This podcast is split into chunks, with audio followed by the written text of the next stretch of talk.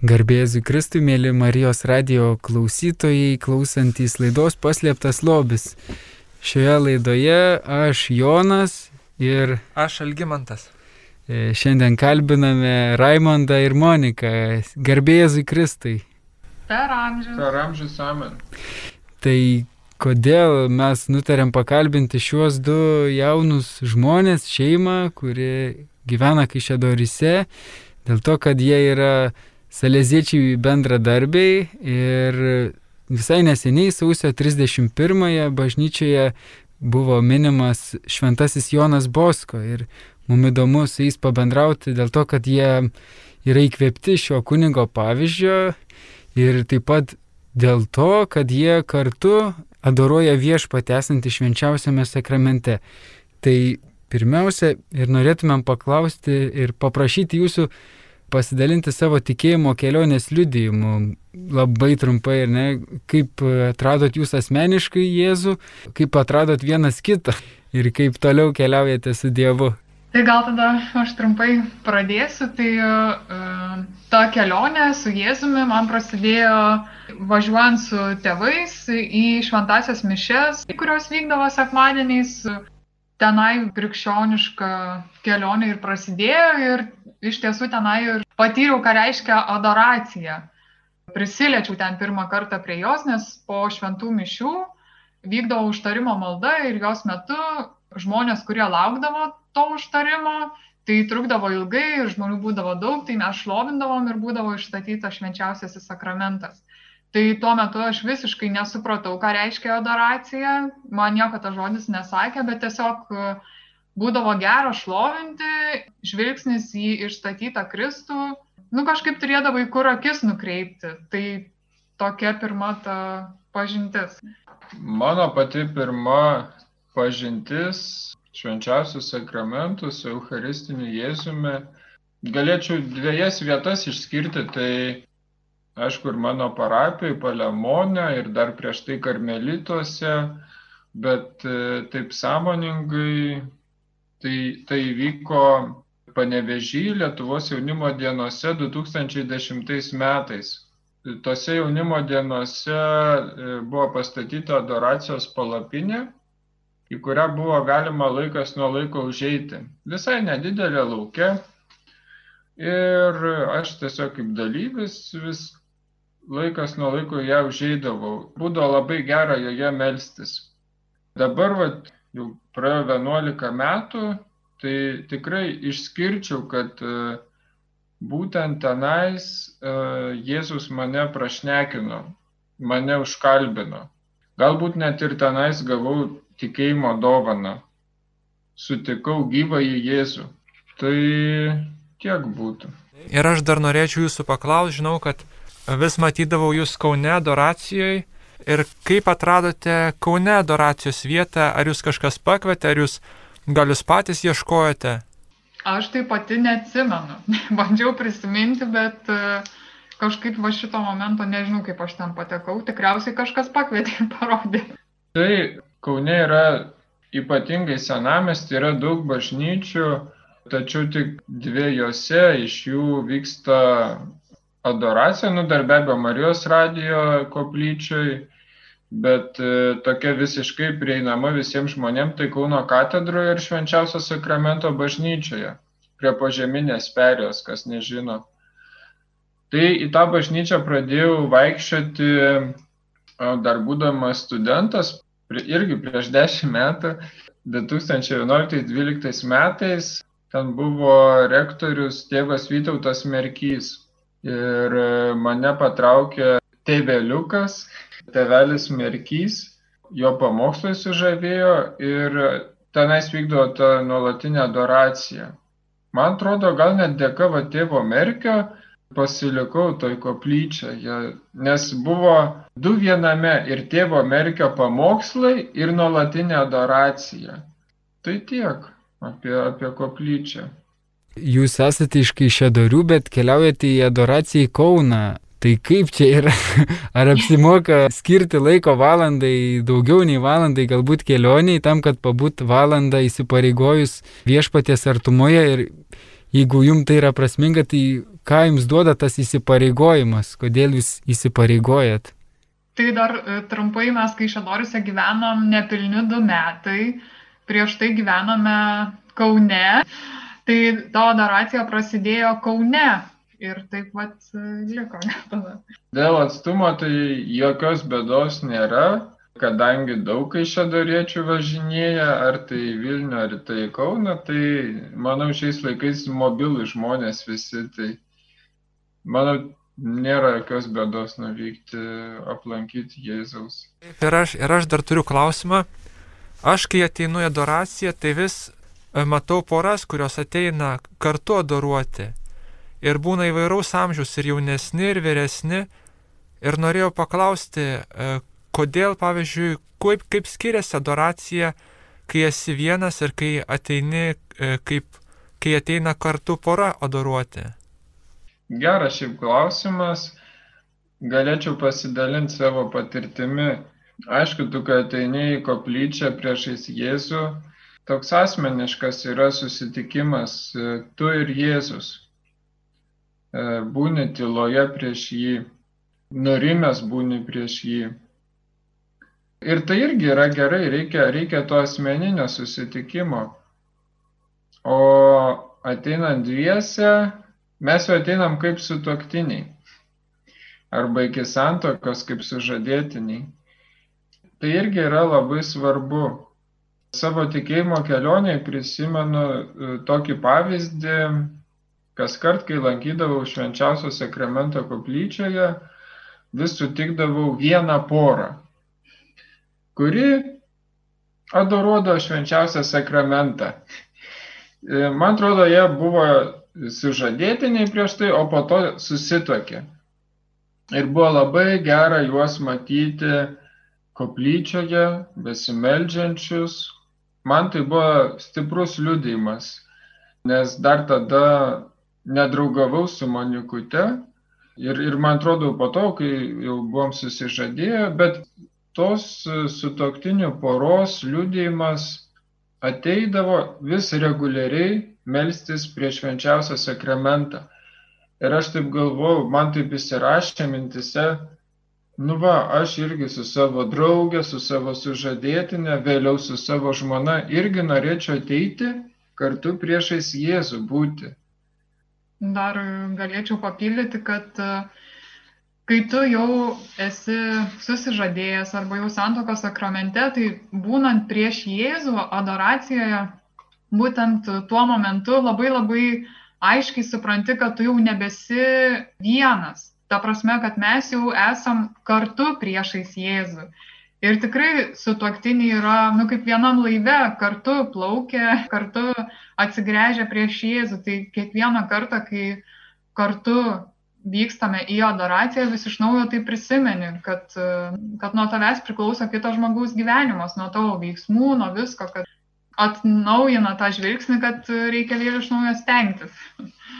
Ir dar, dar pridėčiau, kad nu ir ta pati, ar ne, santokos visa teologija, kad e, mes krikščionis nežiūrim tik tais vienas į kitą, ar ne, vat aš Raimondas į Moniką, Monika į mane. Bet mes krikščionis į ką žiūrim? Į kryžių, į Jėzų. Tai ypatingai švenčiausio sakramento adoracijos metu mes, mūsų abiejų žvilgsnis yra nukreiptas į Jėzų, nors mes esam kartu. Ir labai svarbu, kad e, mes būtumėm kartu, nes mes sutoktiniai, mes nesam atskiri asmenys, jau nebesame pavieniai asmenys, bet darome, ką galime, kiek galime kartu, viską kartu darome. Ir tikrai yra e, gera būti kartu priešais Jėzų. Tai yra dovana. Aš iš savo asmeninės irgi patirties norėčiau pridėti ir to pačiu ir paklausti, nes man būna šeimoje su žmona kartais susipykstama, ne? Turbūt visiems būna ir būtent dažnai įsipareigoju naktį adoruoti ir nuvažiuoju ir viduje būna toks daug, daug šiukšlių ir daug purvo ir, ir savęs kaltinimo, kartais žmonos kaltinimo ir man labai prasminga tas ateimas pas Jėzų kaip pas kaip ateiti atleidimo, ateiti būti prie jo ir toks labai evangelinis, evangelinis ženklas matyti Jėzų ir būti jo artumoje. Ir norėjau paklausti apie tą atleidimą, ar jums padeda galbūt adoracija atleisti, galbūt padeda sustiprinti ryšį, ar tai yra kaip sustiprinimo ryšys, ar tai galėtų būti, kad tai yra santokos vienas iš pamatų, galbūt galėtų būti šeimoje, kaip jums atrodo. Tai galėčiau pasakyti, nu, apskritai, kas yra adoracija. Tai yra e, laikas, kai tu atsitrauki nuo visų kasdienių rūpešių ir atsisuki vien tik į Jėzų. Ten pirmas, pirmą pusvalandį, aišku, dar vis galvoji ten apie koks darbas ar ten kas nors, bet vis tas švenčiausias sakramentas vis primena tau, kad, nu, atsisuk į mane, kad aš čia, kai tu pabūni su Jėzumi toje tyloje, tai tau viskas labai gražiai pradedi matyti Dievo veikimą nu, visą tą grožį, tikrumą pradedi matyti, atsisijoja visi svarbus ir nesvarbus dalykai. Tai aš galvoju, kad jeigu mes neskirtume laiko pabūti su Jėzumi tyloj, tai tada, nu, tikrai būtų šeimoje daugiau konfliktų, būtų mažiau empatijos. Tiesiog būtume, nežinau, daugiau egoistai, turbūt mažiau galvotume vienas apie kitą, mažiau vienas dėl kito aukotumėmės, nes taip būna, kai tik tu apleidi maldą ar apleidi tylą su Jėzumi, tik nusigrėži nuo Jėzus ir žiūrėk jau ir santykiai vyra. Tai konfliktai, tai kažkas jau viskas važiuoja, jau reiškia, jau reikia į adoraciją. Tai aš irgi papildyčiau Monikutę. Apskritai dėl pačios maldos, nebūtinai dėl atleidimo, ar ne, atleidimas vienas iš akcentų yra. Bet pati malda priešais švenčiausiai sakramentą, kokiagi yra, Tai dėčiau akcentą pirmiausiai, kad tai yra tyli malda priešais Jėzų, kuomet mes klausomės Jėzaus, kuomet e, nieko nereikia kalbėti, tik tai išbūti priešais jį. Ir e, man pačiam būna tokių pagundų, ar ne, pabėgti iš koplyčios, vis kažkokių tai trukdžių nuolat, kad gal trumpai pasimelsiu, reikia kažką įtidaryti. daryti bet e, ne, reikia išbūti. Arba netgi ir ta tyli malda, kaip, kaip svarbu, kad jie iš tiesų būtų tyli malda. Yra gerai melstis lūpų malda, yra gerai skaityti religinio turinio knygas, net ir adoracijos metu, bet jeigu dėti tokią struktūrą, tai pirmiausiai atėjus prieš Jėzų reikia pabūti tyloj, nurimti. Ir, kaip sako Jis žiūri į mane, o aš žiūriu į jį. Taip yra pasakęs vienas kaimietis, kai Arso klebonas jo paklausė, ką čia veiki vienas bažnyčioje. Sunku ir nenatūralu po savaitės darbų nurimti tyloje. Tai yra, nu, tiesiog nieko nedaryti koplyčioje. Norisi visą laiką apie kažką galvoti, nes nuolat esi užimtas, norisi nuolat kažką veikti. Tačiau man atrodo, kad būtent tas nieko neveikimas pirmąją valandą prieš Euharistiją atneša daugiausiai vaisių.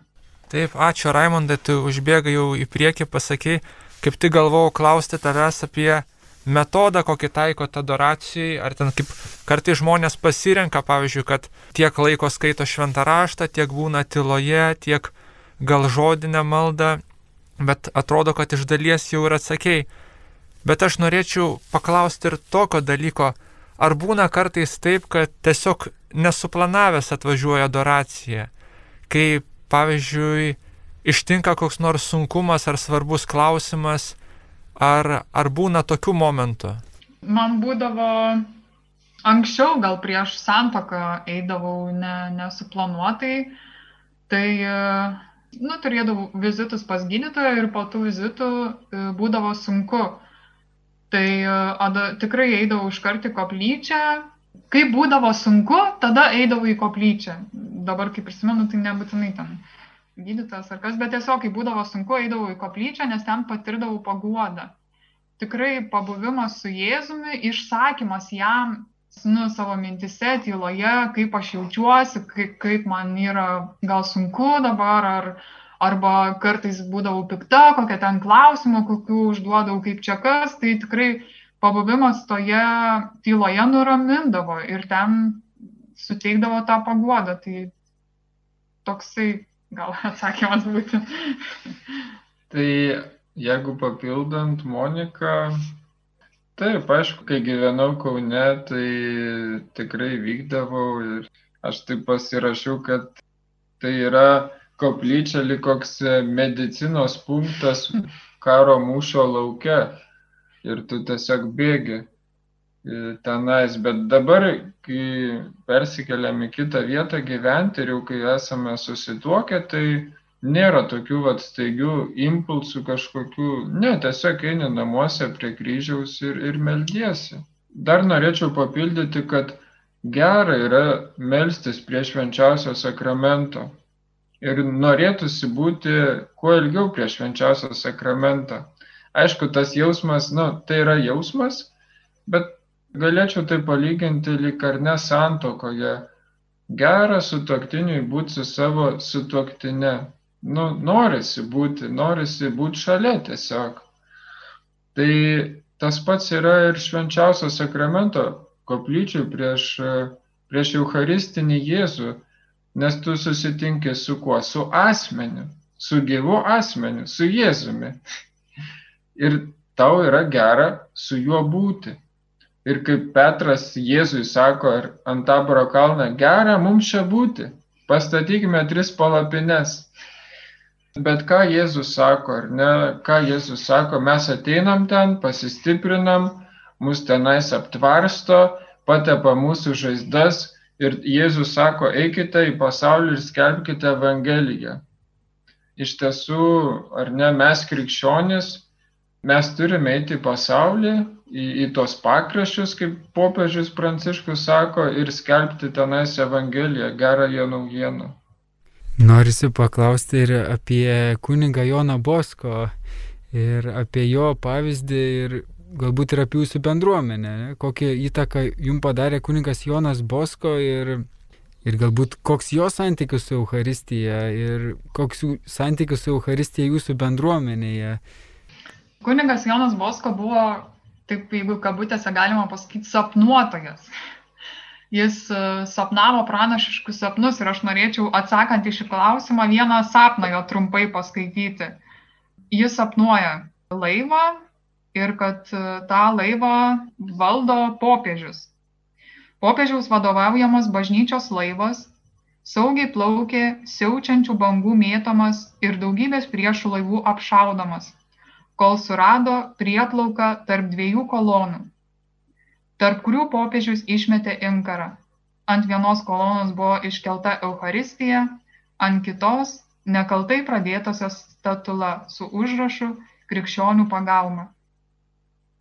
Tai šitas sapnas iš tikrųjų visiškai apibūdina apskritai saleziečių šeimą Lietuvoje ir pasaulyje.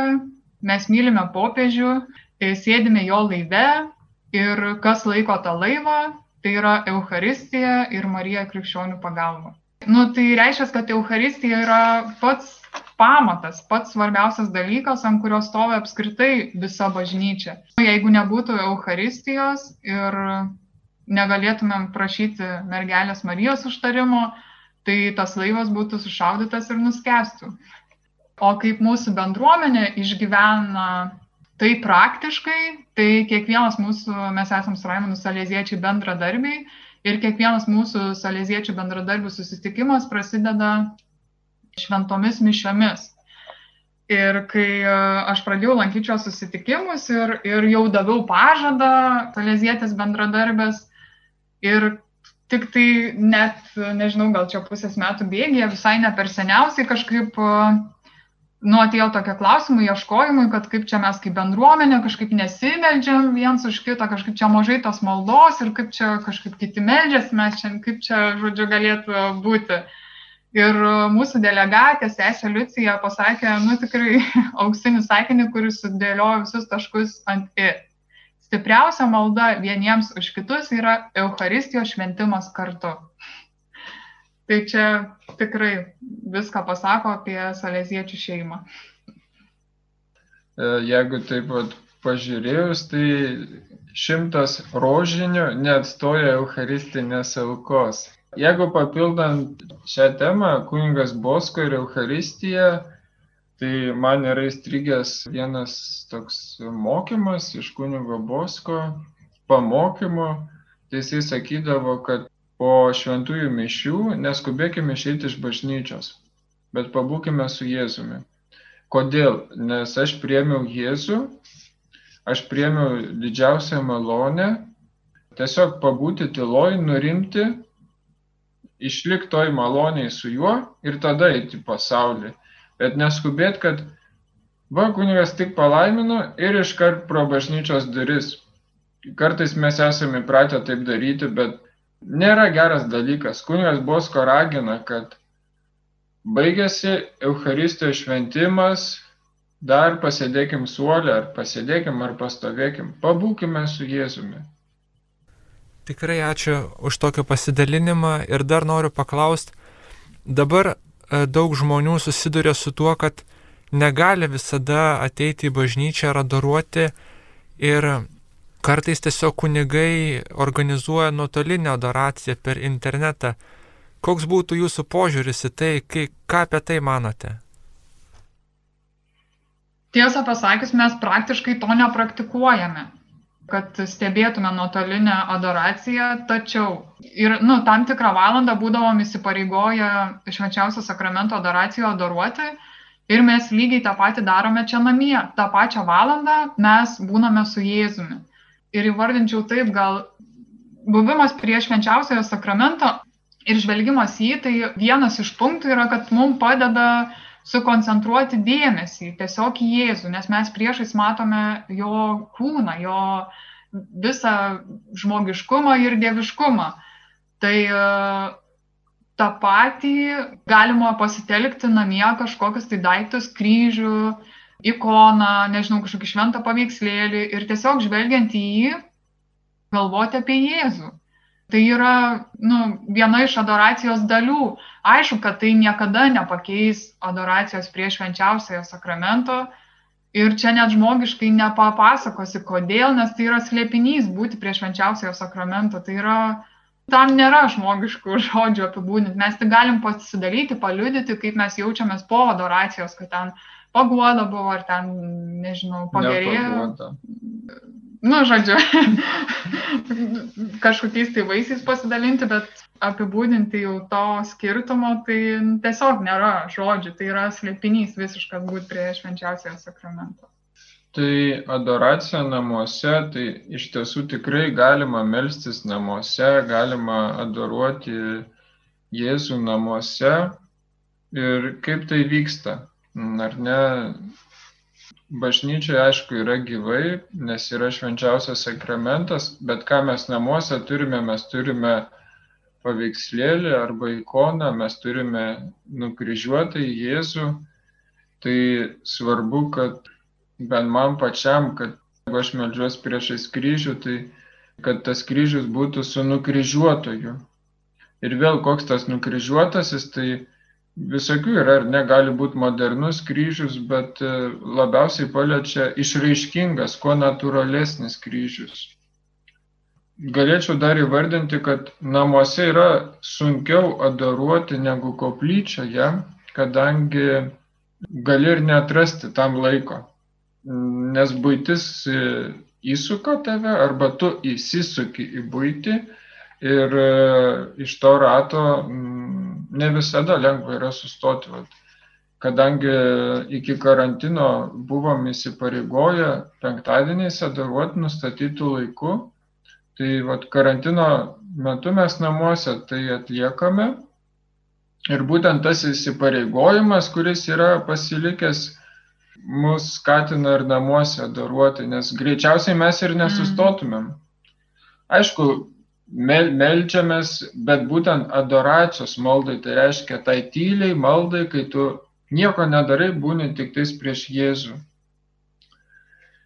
Jeigu kalbant apie adoraciją, vaterne per Marijos radiją, manau, tai yra puikia forma pasiekti tuos žmonės, kurie galbūt neturi interneto arba važiuoja automobilių keliai esu klausęsis garbinimo valandų ir tų žmonių buvimas bažnyčioje, kurie vat, garbina Jėzų Ir iš tos bažnyčios, kurioje e, vyksta tiesioginė transliacija, labai svarbu yra tų žmonių laikysena, tų žmonių pats buvimas, kokia tai yra malda. Tai mane paliečia va, tie visi mąstymai atliekami, šlovinimas ir atrodo mintimis iš tiesų nusikeli.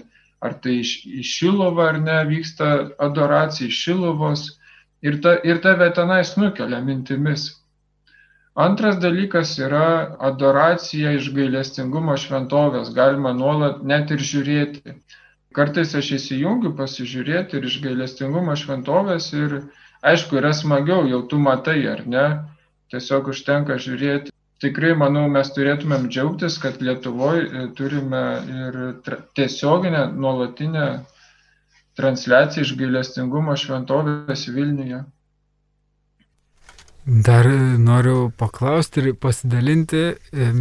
Kauno arkivyskupas Kestutis Kievalas e, paskelbė tokį visai neseniai pastoracinį planą ir ten vienas iš e, tokių punktų svarbiausių, kuriuos jis e, išskyrė, buvo tai, kad skatinti adoracijas parapijose, ne, kad taip kaip yra švenčiausio sakramento adoracija čia Kaune, koplytėlėje, tai taip pat kaip kad ir parapijose būtų, kad žmonės įsipareigotų, atvyktų ir skirtų tą asmeninį laiką Jėzui. Ir Noriu paklausti jūsų kaip aktyvių katalikų, kaip jums atrodo, kaip būtų galima padaryti, kad ta adoracijos malda būtų populiaresnė, kad patrauktų daugiau žmonių širdžių ir kad žmonės sutiktų tą Jėzų esantį Euharistijoje. Man prieš akis iškyla viena moteris, kuri nėra praktikuojanti katalikė, tačiau kartą atėjo į Saleziečių bendradarbių susitikimą, mūsų buvo visiškai nedaug, keli tik tai žmonės ir e, tą kartą mūsų susitikimas prasidėjo adoracija, nešventomis mišiomis.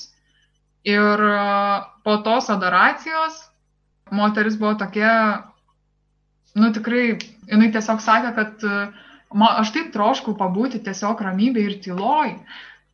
Ir man taip gera.